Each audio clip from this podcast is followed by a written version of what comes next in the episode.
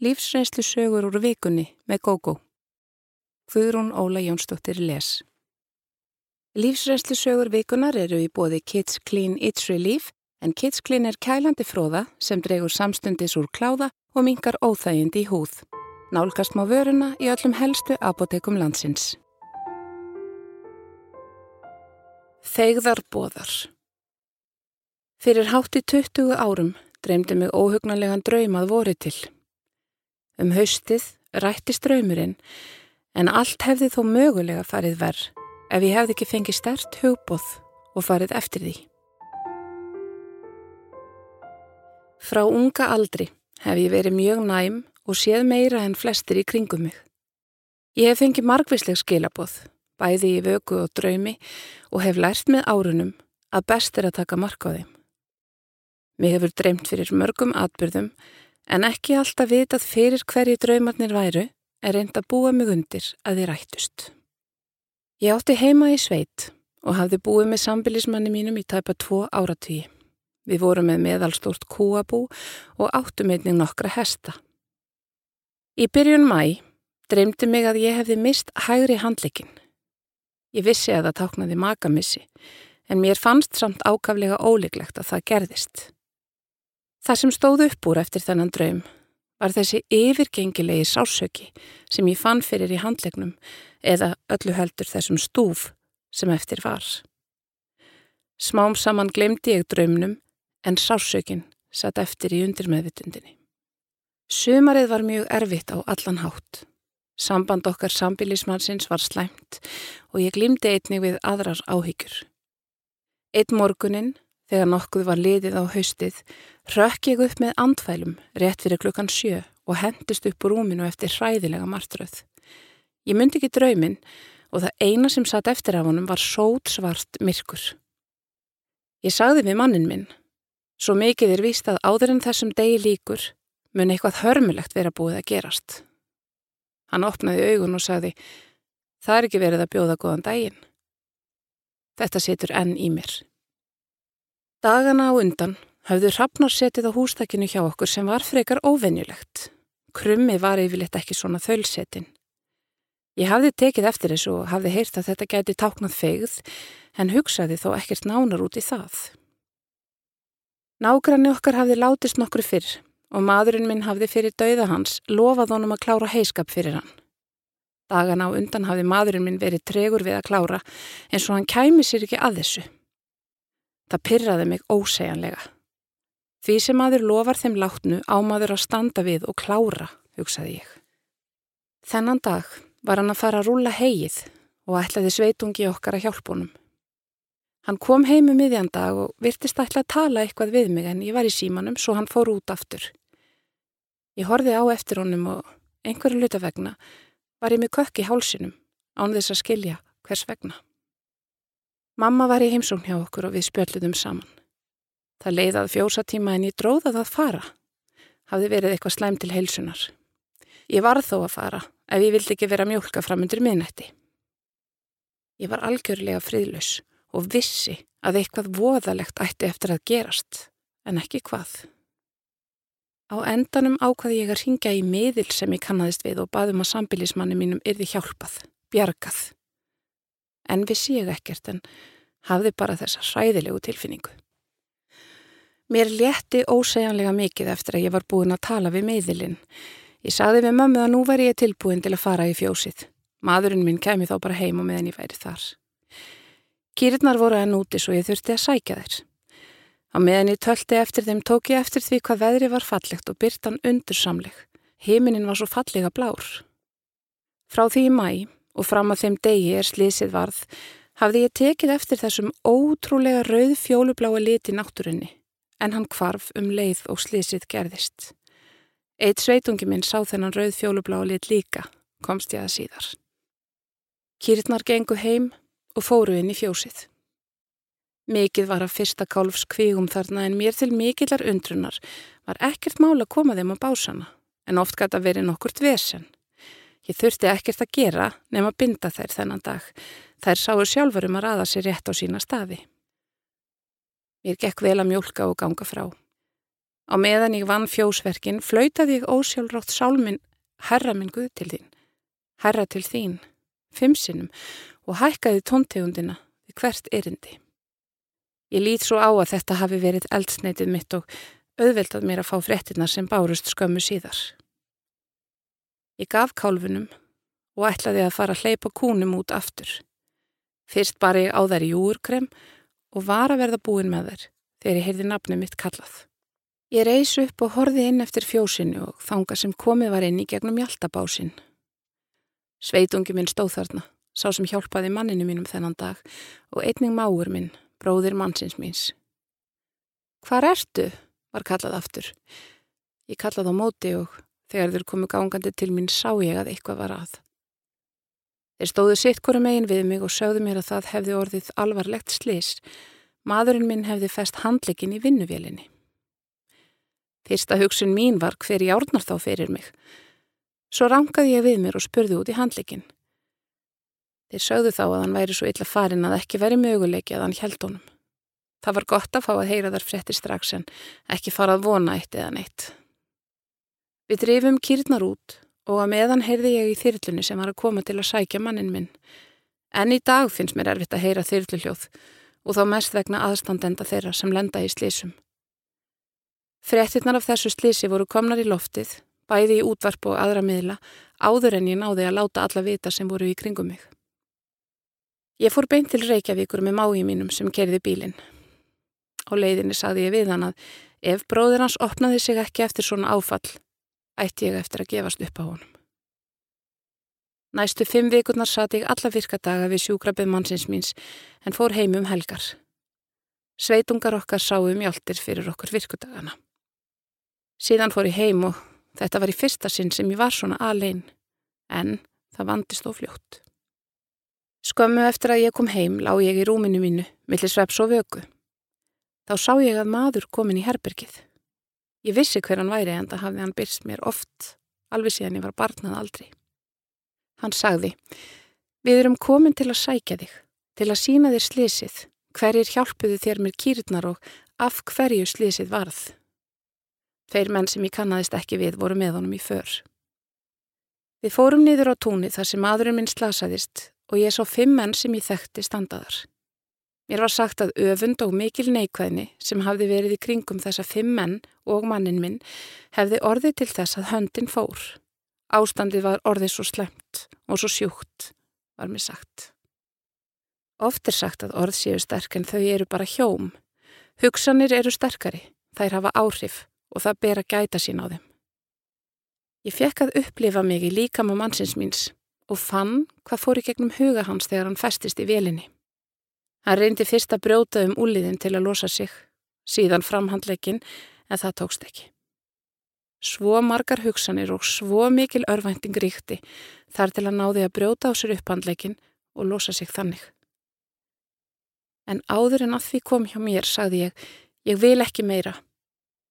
Ég myndi sásökan frá draumnum um vorið og vildi reynd ekki þurfa að upplifa hann aftur. Ég þekkti hvað var að koma og það var að koma að augnablíkinu þegar hann brotnaði. Það er ekki hægt að lýsa þessum kvölum. Madurinn minn misti aldrei meðvitund. Laungu áður hafði mér verið sagt að ég ætti að búa til krossmark eða krossmann kærleikans á ákveðin stað á jörðinni en ég gerði það aldrei. Fannst þetta eitthvað skrítið. Þetta revjaðist upp fyrir mér og ég áttaði mig á því að staðurinn þar sem krossmarkið átti að vera var í beitni línu frá bænum og niður á tónið þar sem slísið átti sér stað. Ég veit ekki hvort það hefði komið í veg fyrir slísið en síðar komst ég að því að eina ástæðan fyrir því að maðurinn minn helt lífi var svo að ég hefði ringt í miðilinn og beðið um að honum myndið bjargað. Næsta vor hættum við að vera með kýrnar og nokkrum árum síðar lög hjónabandi okkar. Það þarf alltaf tvo til ef laga á hlutina. Tæpum 20 árum áður, eða ekki löngu eftir að við fórum að vera saman, hafði ég vaknað grátandi, en mér hafði verið sagt í draumi að ég myndi næstu missan. Það tók þann draum öll þessi ár að rætast. Hann hafði aldrei neitt áhugavert að segja. Fyrir rúmum átta árum vann ég með einstaklega elskulegri stúlku. Hún var af erlendum uppbruna, kom frá fyrrum austantjálslandi. Við urðum mjög góður vinkunur og í gegnum hana fekk ég að kynnast aðstæðum hvenna sem leggja upp um draumin um betra líf en þurfaði að takast á við meira en þar áttu von á þegar til Vesturlanda er komið. Kristína er ágætt nafn á þessa stúlku en hún gengdi starfi á skrifstofinni sem ekki er sérlega mikils virt.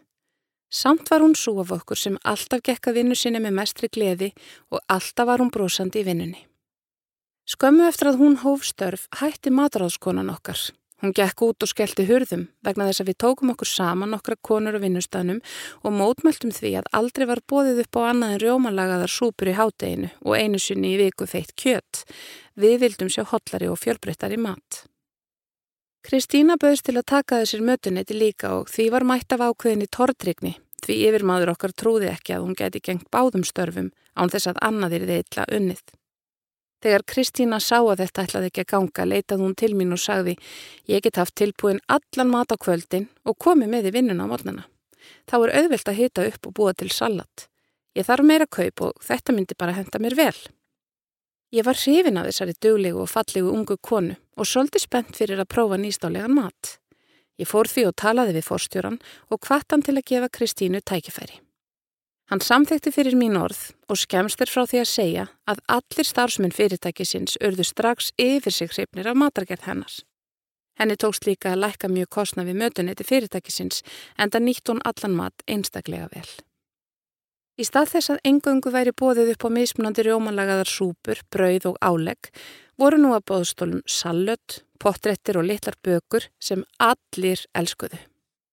Kristína hafði líka mjög gott laga á að búa til grænmyndisrétti sem kjötæturnar fíluðu og fundu ekki að væru neitt verri en steik og sósa.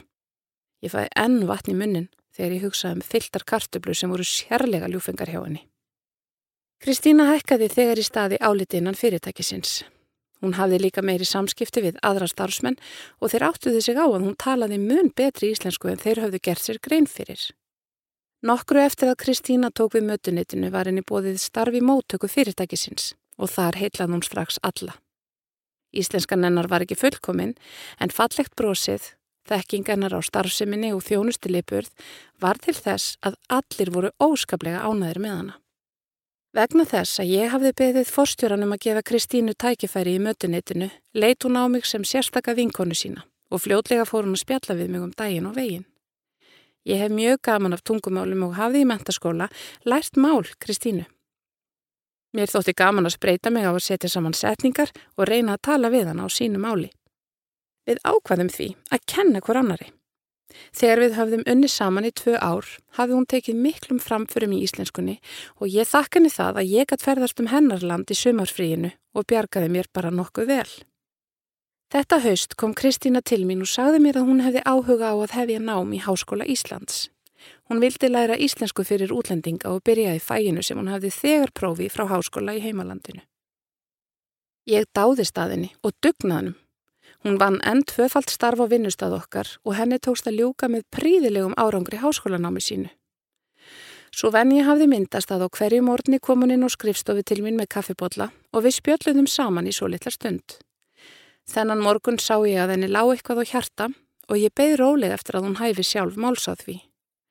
Við töluðum um daginn og veginn, gangstarfsins innan fyrirtækisins og námið hennars. Allt í einu spurðun. Verða íslenskar konur að láta mennina sína fá kaupið sitt? Nei, svaraði ég, undrandi á spurningunni. Hún satt hugsandi svo litla stund og spurði svo. Mega íslenskar konur skilja við mennina sína? Já, auðvitað, svaraði ég. Hún satt hljóði í dágóðastund og sagði svo. Ég kynntist manninu mínum á internetinu. Hann hafði samband við mig í gegnum síðu þar sem ég og nokkrar vinkonur hafðum skráð okkur. Ég skrifaðist á við hann í langan tíma og hann virtist mjög góður maður. Og er hann það ekki? spurði ég, minnug þess að ég hafði heyrt margar sögur af austantjálskonum sem giftust hingað en þurftu síðan að þóla ofbeldi af hálfu eiginmanna sinna. Jú, hann er mjög góður maður, svarað hún. Hann er bara svo leiðinlegur. Hann hefur aldrei neitt áhugavert að segja. Hvað áttu við? spurði ég. Æ, Hann talar bara um hvað er að á Íslandi en hefur engan áhuga á neinu öðru. Ég spurðist fyrir um Kristínu og manninennar meðal vinnufélaga og vina og komst að því að hann hafði lokið grunnskólaprófi, tekið meira próf þegar hann komst á bílprófsaldur og síðan þá ekið stórum bílum. Hann hafði verið kventur áður, íslenskari konu, sem fór frá honum fyrir annan mann. Þegar ég hafði fengið þessar upplýsingar leið mér illa.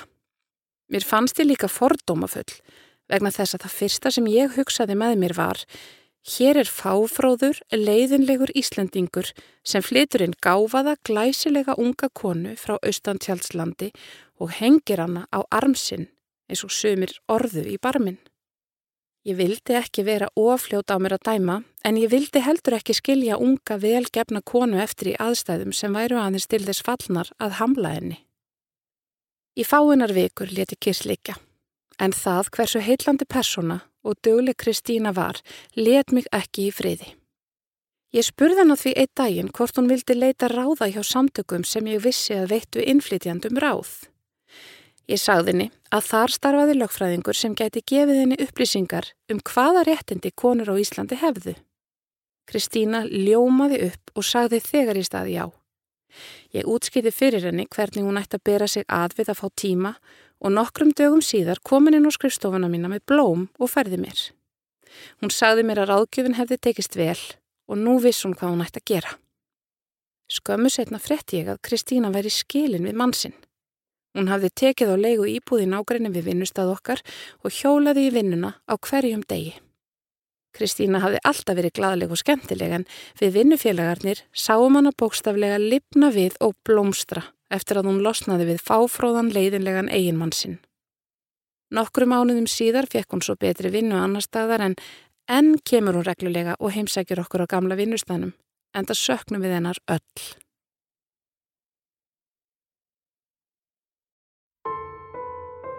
Erfiður tengdasonur Dóttir mín var kornung þegar hún fór að vera með manni sem okkur foreldrum hennar leist illa á. Við reyndum að skipta okkur sem minnst af sambandinu og vonuðum að hún sæi sjálf hvern mann hann hefði að geima. Lilja var 17 ára að verða átjón þegar hún kynntist Jóa og það liði nokkrar vikur þar til við hittum hann í fyrsta skipti. Hann var nýjörðin tvítugur, bráðmyndarlegur en bauð samt ekki af sér góðan þokka. Við hjónin vorum vingjarleg við hann, en áttuðum okkur fljótt á því að mjög erfitt var að halda upp í samræðum við hann. Hann hjælt varla þræði og virtist ekki hafa áhuga á neinunum að líkamsagt og bílum.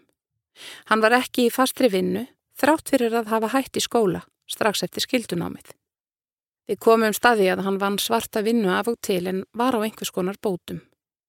Hann bjó hjá foreldrum sínum í íbúða vegumborgarinnar og var af þriðju kynslu fólks sem var haldið uppi af borginni. Mér fannst förðurlegt að alheilbreyður maður væri ekki skóla eða fastri vinnu en Lilju fannst sniðugt að henni svart. Við reyndum að segja henni hversu rámt að væri að láta aðræðum að borga fyrir heilbreyðistjónustu gatnakerfið og annað slíkt en það fór einum annað eirað hjá Lilju og út um hitt. Hún var alveg blind á þannan strák. Einning var hún hrifin af foreldrum hans sem hún sagði vera svo frjálslinda. Ekki síst í uppeldismálum því þeir nöldruðu ekkert þótt börnin þeirra á úlingsaldri fengju sér í glas, heldur drikju bara með þeim. Ég sá að Lilja var með stjörnur í augunum yfir þessum drauma foreldrum kærastans. Jói var mikið hjá okkur fyrstu mánuðina og Lilja vildi að hann fengi að flytja til okkar, en við pappinar vorum ekki til í það. Við áttum ekki vonaði að hún flytti þó heim til Jóa. Okkur brá þegar hún fór, en vonuðum að hún kæmi fljótlega heim aftur.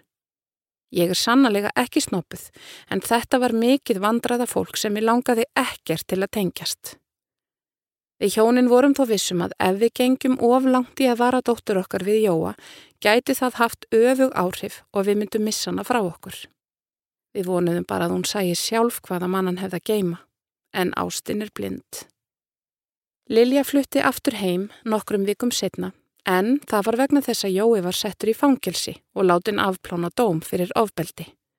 Fyrir eitthvað sem var alls ekki honum að kenna, fullirti Lilja og bætti því við að hinn maðurinn hefði átt upptökin. Í blöðunum var talað um tilefnislausa árás en það saði Lilja vera ruggl. Við vorum í öngum okkar og ekki bara yfir vali Lilju á kærasta heldur einning yfir því að sonur okkar á úlingsaldri leit mikið upp til Jóa. Fannst hann algjör töffari og vildi líkast honum sem mest.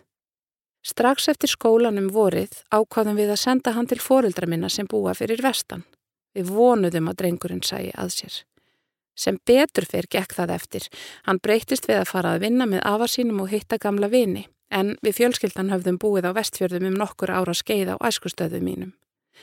Um haustið hófa nám í mentaskóla og hrifningin og Jóa virtist hafa minkað heil mikið. Hann skemmti sér annars lægið með skólafélugum en ekkert meira en það. Lilja og Jói legðu sér litla íbúð skömmu eftir að hann losnaði úr fangilsinu. Hún tók sér hlið frá námi og fór að vinna algjör synd því hún átti ekki langt í að verða stúdent.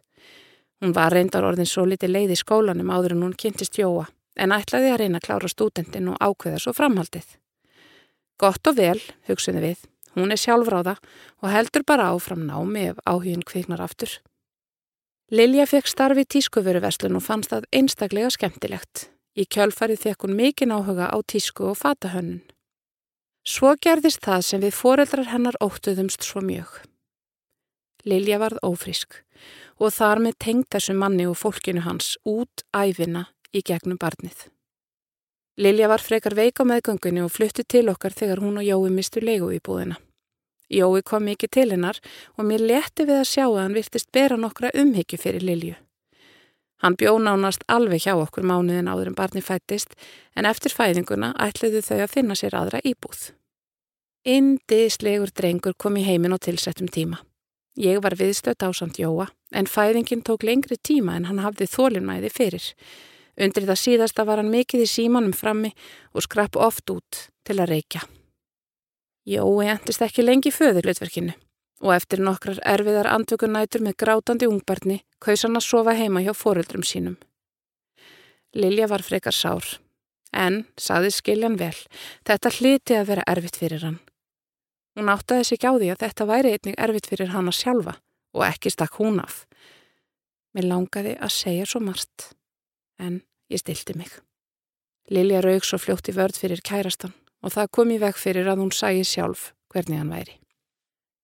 En auðvita kom að því að Lilja gæfist upp á Jóa. Hún fullornaðist hratt eftir að hún eignaðist drengin og fór að sjá Jóa í nýju ljósi. Hann vildi að þau heldu áfram sama lífi og áður en Lilja var ekki til í það. Samband Lilju og Jóa loknaðist út af hægt og rólega á nokkur að láta. Lilja reyndi að fá Jóa til að hitta sónin reglulega en það gekk illa. Jói vildi koma þegar honum sjálfum hendaði og það var nánast aldrei. Stundum svafdrengurinn þegar Jói kom og var ekki enn vaknaður þegar hann fór, en Jóa virtist vera sama. Við hjónin vorum vongóðum að hann hyrfi alveg úr lífi okkar, en það var liklega of gott til að vera satt. Lilja bjó hjá okkur með litla ömmugulli mitt í rúm tvö ár. Hún var byrjuð í námi aftur, reyndar utan skóla, vann í versluninni og fór að búa með frængu sinni sem átti líka ungt barn. Jói kom stöku sinum í heimsók til þeirra og sonurinn var voða hrifin af föður sínum.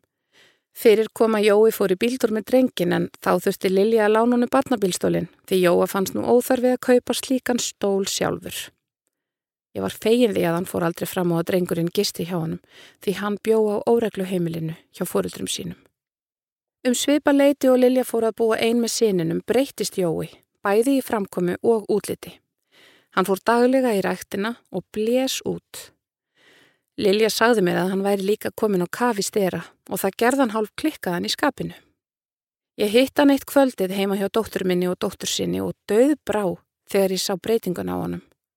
Hann var alltaf sæmilega kurtis við mig og það hafði svo sem ekkert breyst en hann talaði ekki um neitt annað en eigin árangur í líkamsrækt. Lilja og Jói höfðu átt sín ástarsambund með öðrum eftir að þau hættu saman en þegar Lilja fór að búa með manni fór það illa í Jóa. Ég er ekkert vissum að hann hafi verið hrifin af henni en það var eins og honum fyndist hann eigana. Hann vildi að minnstakosti stjórninni og hún hafði alltaf tipplað á tánum í kringum hann til að stekja hann ekki. Hún hafði séðan brjálaðan í skapinu og reyndi að koma í veg fyrir að hann misti stjórn á sér í návast barsins. Jói hafði, sem betur fer, ekki vita á því að reyna að stjórna Lilju í gegnum sónin en líklega hefði hann seint fengið forræðið yfir honum. En maður veit þó aldrei. Lilja reyndi frá upphafið að gera samskipti feðgarna regluleg en Jói vildi bara koma í heimsók til drengsins og hennar þegar honum sjálfum þóknaðist. Það breytist ekkert. Sambandi við drengin var þó lítið þegar Jói var með kærustu en yfirleitt endist það aldrei lengi og þá var Jói mættur aftur, yðurlega undir áhrifum einhverja efna. Lilja sætti sig við heimsóknirnar því hún óttaðist að annars vildi Jói fara eitthvað með drengin og það gekk ekki. Hún gætti þess þó að Jói erði ekki varfið að, þá hefði hann eflust ekki barni með valdi með sér út ef ságáttlinn hefði verið á honum. Gunni, kærastinn enna Lilju, var á sjónum á þessum tíma og Lilja reyndi að sjá til þess að Jói kæmi í heimsók þegar hann væri út á sjó en það tókst ekki alltaf. Gunni var ekkert voðalega hrifin af því að fá þennan háværa sterabolta inn á heimilið en sagði þó lítið. Þetta var jú fadir barsins. Eftir því sem neysla Jóa jógst var þann erfiðari og hann fór að hóta Lilju. Hann vildi að hún losaði sig við sjóaran eins og hann kallaði Gunna. Hann vildi ekki hafa nálagt barninu. Hann ringdi og hótaði og mætti líka stundum að heimili Lilju og reyndi að komast inn. Laureglan mætti reglulega en nákvæmannir ringdu oftar en Lilja eða Gunni vegna látana í Jóa. Þetta voru ömurlegar ofsóknir sem stóði í nokkra mánuði og þá aðalega um helgar. Gunni hætti á sjónum því honum leist ekki á ástandið. Laureglan stóð sér mjög vel við að fjarlæga Jóa en Lilja hikaði við að kæra barsföður sinn. Hún óttaðist að þá yrði hann öllu verri. Hún hefði þó gert það ef ofsóknirnar hefði haldið áfram. Jóa var stungið í steini nokkru mánuðum setna fyrir Ímisbrott og þá datt allt í dúna logn. Jói róaðist mikið í fangilsinu og hafði líklega ekki sama aðgangað fíknefnum og áður. Hann ringdi nokkrum sinnum í sónin sem held að pappin værið að vinna út á landi. Það tóks nánast alveg að hlýfa drengnum við þessu öllu saman því sá stutti fluttir hreinlega til okkar hjónana um helgar á meðan á mestu látunum stóð. Gunni hefur staðið þjætt við bakið á Lilju. Þau eru búin að gifta sig og fjölskyldan hefur stækkað. Jói er að mestu hættur öllur ugli. Orðin fjölskyldum aður sjálfur og áhugin og Lilju og síninum hefur minkað mikið, þó ekki nógu mikið til að hann leiði gunna að ætliða drengin. Kærasta og barsmóður Jóa er ágætt kona og sér til þess að drengurinn fái jóla og afmæliskefir frá föður sínum. Föðurafinn og föðuramann hafa nákvæmlega engan áhuga á honum. Gunni hefur einst stráknum eins og besti fadir og allt gengur fjölskyldinu í hægin. Þetta tímabil sem Jói var í lífi okkar er orðið eins og fjarlag martröð en batnandi manni er best að lifa, svo að kannski á Jói eftir að verða góður fadir síðar.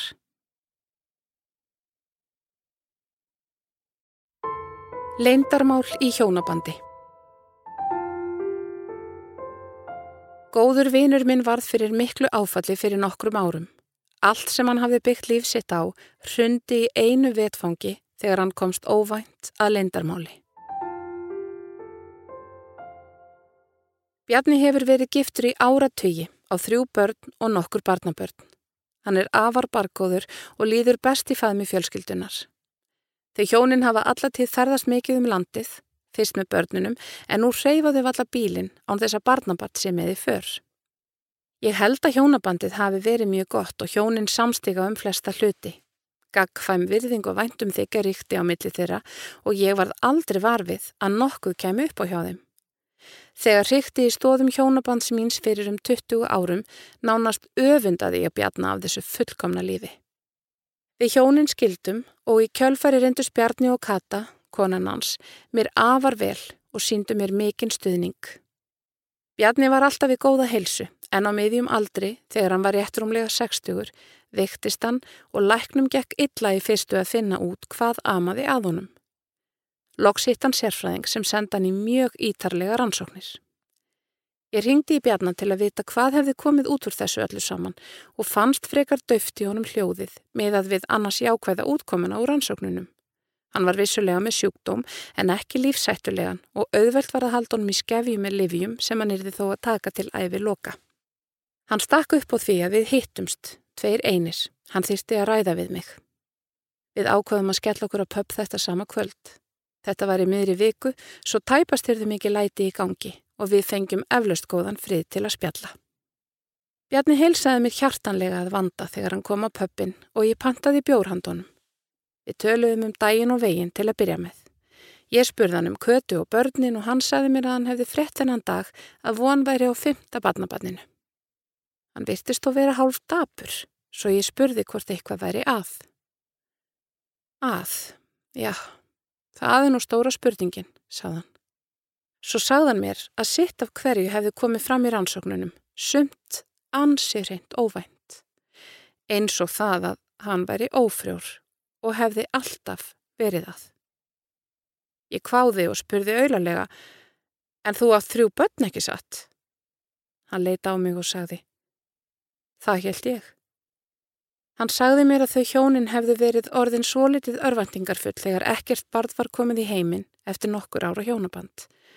Þau voru farin að tala um að láta rannsaka sig og aðtuga hvar vandin lægi þegar komi ljós að Kata var orðin ófrísk. Þau voru yfir sig hafmyggisum og að næstu fimm árum bættist tvö börn í hópin. Ég veit ekkert hvað ég á að gera, sagði Bjarni. Á ég að láta eins og ekkert hafi í skorist eða gera allt vittlust og þá jáfnvel missa frá mér fjölskylduna. Ég gæti engu svarað. Mér bráði þessa fréttir og ég trúði þessu eiginlega ekki því börnin báru svo sterkan sveipa föðu sínum. Er læknirinn alveg viss? spurði ég hann varlega. Já, algjörlega, svaraði Bjarni. Hann var greinilega búin að hugsa þetta allt í þaula og sagði mér að Kata hefði aldrei verið á neinu útstáelsi á þessum tíma. Hún fór í mesta lægi í saumaklúpa hjá vingonum sínum og ef eitthvað var farið út af lífið fóru þau saman, aldrei hvort í sínu lægi. En börnin þín líkast þér, sagði ég. Já, svo er sagt, sagði Bjarni. Annarkvort hefur Kata fundið mann sem líktist mér eða hún hefur sofið hjá sigga bróður. Hann var mikið hjá okkur á þessum tíma svo ég held að hann hafi átt hlutamáli. Siggi bróður Bjarnar var ekki lengur á lífi. Hann hafði látist í slísi fyrir mörgum árum en þá eru börnin á Bjarnar öll fætt. Við rættum þetta fram og tilbaka og ég fann að Bjarnar létti mikið við að geta sagt einhverjum frá þessu. Hann sagði mér frá óþægilegu stundinni hjá lækninum þegar hann fekk fréttinnar um ófrásemina og svipin á lækninum þegar hann sagði hann um að börninars þrjú gætu ekki verið hans. Þegnastur var Bjarni yfir því að hafa farið eitt til læknisins en Kata hafði bóðist til að koma með honum. Hún fannst nógu slæmt að sjá svipin á lækninum svo ekki bættist eitthvað annað við. Bjarni saðist ekki treysta sér strax í uppgjör við kötu og ætlaði að jafna sig almennilega á þessu áður. Þetta eru börnin mín og verða alltaf börnin mín, þótti sé ekki lífræðilegur fadir þeirra. Ég get ekki hugsa mér að þau fretti þetta, saði Bjarni undir lók samtalsins Hann var úr þinn mun hrassari í bragði þegar við kvötumst og hafði greinilega haft gott af því að létta þessu af sér. Ég orðaði þetta mál í spjalli við kunningja minn án þess að segja um hvert væri að ræða, enda þekkti sá maður ekki bjarna. Hann sagði mér frá því að eitt sinn hefði hann búið um tíma erlendis og kynst barðlusum hjónum á færtugsaldri. Hjónin reyndu fáranlega mikið að vingast við hann. Þau rættu ballísi sitt við hann af hispusleysi og hversu það tæki á þau. Laung byð væri eftir barni til ætliðingar og allt í þeim dúr. Hann fór að fá stert á tilfinninguna að þau ætluði að byggja hann um aðstóð við að gera frúna ófríska. Honum fannst eitthvað ógæðfælt við það, svo hann hætti að umgangast þau að mestu þær vikur sem hann ótti eftir að dvelja ytra. Þessi kunningi minn sagðist þó skilja þessi hjón betur nú en hann gerði, en það var hann bara rúmlega tvítugur þá. Hann bætti því við að hann vonaði að hjónin hefðu eignast sitt langþráða barn. Ég hef á síðustu árum heyrt um konur sem hafa gert það sama og kata ef illa hefur gengið að verða ófrísk eftir eiginmannin, jafnvel með vitund og vilja makans. Mér finnst kata hafa tekið mikla áhættu að sofa hjá mági sínum til að eignast barn því ófrjóðsuminn hefði geta leið hennar megin. En kannski var þetta bara venjulegt framhjáhald sem bar ávöxt. Þrís var sinnum. Nokkrar vikur liðu án þess að ég heyrði í bjarnar sem var alveg eðlilegt. Engin tilkynningaskilda ríkti í samskiptum okkar og stundum liðu jafnvel mánuðir á milli þess að við heyrðum hverju öðrum. Það skipti engu og þótt liði langt á milli var samt alltaf eins og við hefðum síðast tala saman í gær. Ég var orðin mjög forvitin og sló á þráðin til hans. Ég vissi að hann var í veikindorlu við heima og væntalega bara einn heima. Bjarni var gladur þegar hann heyrði mér Hann reyndist vera einn heima og við gáttum spjallaði friði. Ég spurði hvort hann hefði rætt málum við kötu en hann neytaði því. Hann sagði að hjónabandi væri of gott til að hann treysti sér til að rugga bátnum eða að spyrjast fyrir um þetta. Hann gæti ekki heldur hugsa sér að börninars fengju einhvern pata af þessu. Nú væri hann nánast fullvisum að bróður hans heitin væri lífræðilegur fadir þeirra. Hann hefði séð ímsa takta hjá börninum sem myndu á hann og þá í leiðinni á sjálfan sig því þeir bræður hefðu þótt mjög líkir alla tíð. Hann væri að hugsa um að reyna bara að horfa alfari fram hjá þessu og halda áfram að teilera þessari fjölskyldu sem honum þætti svo væntum. Annað geti komið öllu á kvolf og hann vildi ekki verða til þess. Hann ætlaði ekki að líta á þetta sem framhjóhald eða sveik. Hann elskaði hana og eftir mikla umhugsun vildi hann frekar láta kyrt likja. Hann bætti því við að hann hefði án Eva orði varfið ef Kata og bróður hans hefðu átt í eld heitu ástasambandi en ekkert hefði bent til þess. Ég ákvaða að segja ekkert en veit svo sem að því fólk stendur í framhjóhaldi gerir það yfirleitt allt til að leina því. En vinu minn þurfti ekki á því að halda að heyra það. Ég var hugsi eftir símtalið og reyndi að setja mikið spórbjarna. Ég er ekki vissum að ég hefði tekið þessu svona vel. En það er kannski meir en að segja það að gera allt vittlust með kannski sorglegum afleiðingum fyrir marga. Síðast þegar ég hitti bjarna var hann að skipuleika ferði í sömarbústæðin með kötu sinni. Ég er ekki frá því að þau hjón hafi vist hamingisamari en oft áður. Hver veit nema áfalli sem Bjarni fekk hafi haft jákvæð áhrif þar átt fyrir allt og hann átta sig á því hversu dýrmat konarnas var honum. Eru þau nú byrjuð? Fyrir nokkrum árum flutti í húsi sem ég bjó í ung kona með tvö börn Hún let ósköp lítið fyrir sér fara og ég kynntist henni ekki mikið til að byrja með.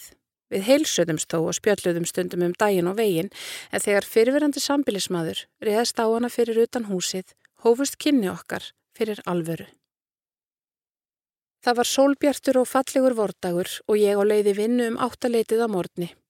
Sólei kom út á sama tíma með töskur barnana í annari hendi en þau hengu bæði í móðu sinni og vildu fá hana til að leiða sig.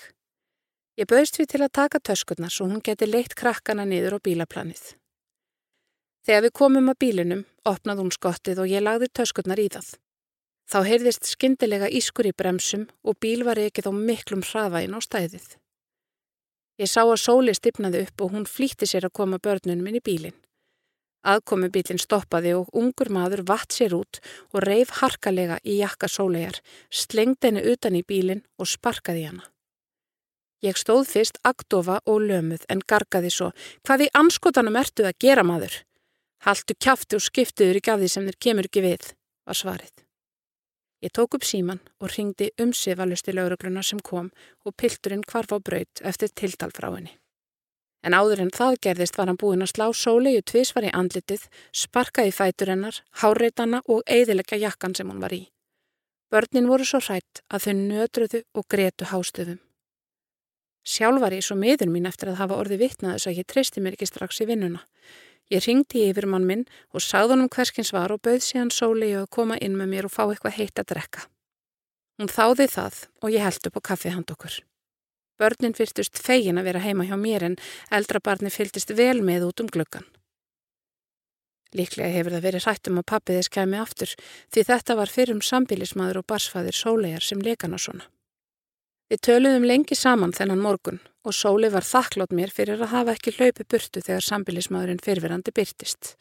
Hún sagðist vönust því að fólk flýði af hólmi, léti sem það sæ ekki neitt og ringði getur hjálp. Sóli var lítil og grönn með stór blá augu og mér fannst hún valla af barsaldri þegar ég sá hana fyrst.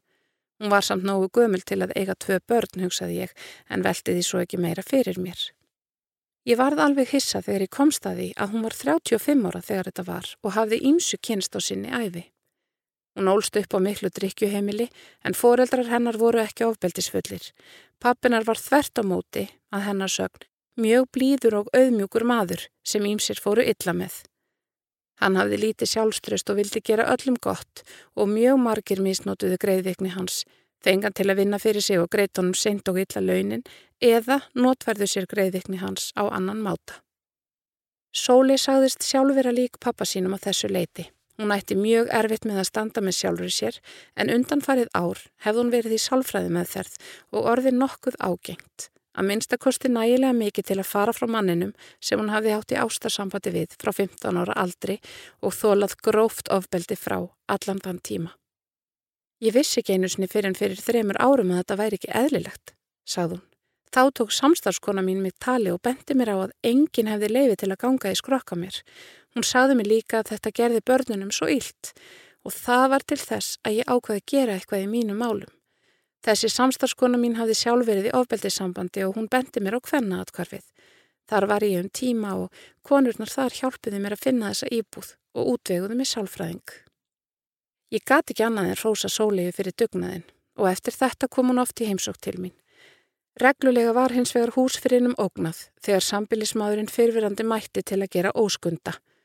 Hann reyndi ofta brjótast inn til sólegar. Hann skemmti bílinn hennar oftar en einu sinni, rispaði lakkið og brautrúður og hann réðist á hann á nokkrum sinnum. Eða það til maðurinn minn tóki nakkadrampið á honum fyrir utan húsið og gerðunum ljóst að við myndum ekki þóla þetta. Í hvert einasta skipti sem hann kom, ringdum við á lögreglu og í þriðjar sinn sem ég ringdi fekk ég eftirfærandi svar frá þeim sem var á símanum í það sinn. Eru þau nú byrjuð eina ferðina enn? Hvað áttu við? spurði ég. Jú, er þetta ekki Sóli og Páll? Þau eru alltaf í einhverju hafari. Vissulega eru þetta Sóli og Páll, saði ég með þunga. En þau eru ekki alltaf í einhverju hafari. Hann ræðist á hana. Hún gerir ekkert. Þarna er munur á. Æ, þú veist hvað ég á við, var svarað á hinum endanum. En nei, Ég vissi ekki hvað hann ótti við, en nefndi ekki elda ólar við þessar furðulegu hugmyndir í það sinn. Nokkrum dögum setna reðs Páll á són sinn á leið heim á skólanum og ætlaði að neyðan upp í bíl til sín.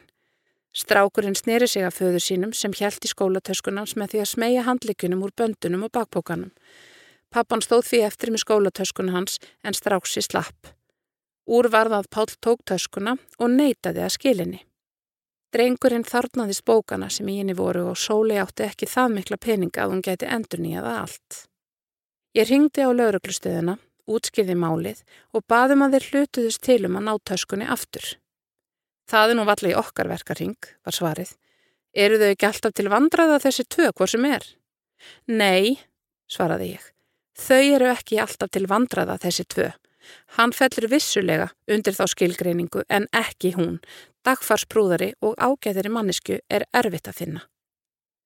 Það er aldrei einum að kenna þegar tveir deila, saði viskubrunnurinn á hinum enda símalinunar. Hm.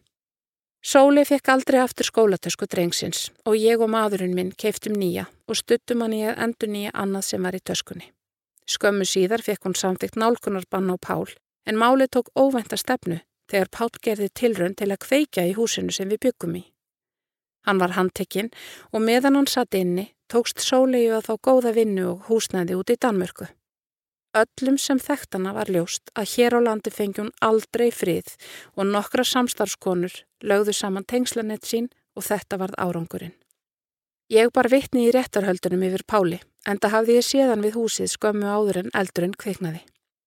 Hann hlaut nokkur að mánuða fangelsi fyrir íkveikju tilrönn en ofbeldi hans gagvart barsmóður sinni þótti aldrei ástæða til að kæra. Skömmu eftir réttarhöldin ringdi náfrænka Páls í mig og jó sér yfir mig. Ég hafði eigðilagt líf þessa efnilega unga manns, það er ég og þessi drusla sem hann átti börnin með. Þau eru ekki prenthæf orðin sem konan súlétt falla í síman, en eftir að ég lagði tólið á, skildi ég að Pál var skilgetið afkvæmi sinna rættar. Síðan þetta var eru nokkur ár og seinast þegar ég vissi gekk sólegu vel í Danmörku. Hún þorir hins vegar ekki að flytja heim af óta við að ofsóknirnar byrja aftur. Ég hjælt satt að segja að kerfið hefði breyst og skilningur manna á heimilisofbeldi aukist. Nýlegar fréttir sína svo ekki verður umvilst að svo er ekki. Enn þurfa konur að súpa segðið af ofbeldi vandraðamanna án þess að kerfið bregðist við þeim til varnar.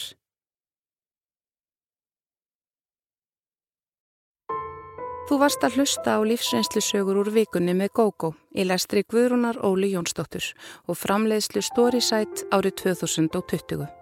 Höfundaréttur Vikan.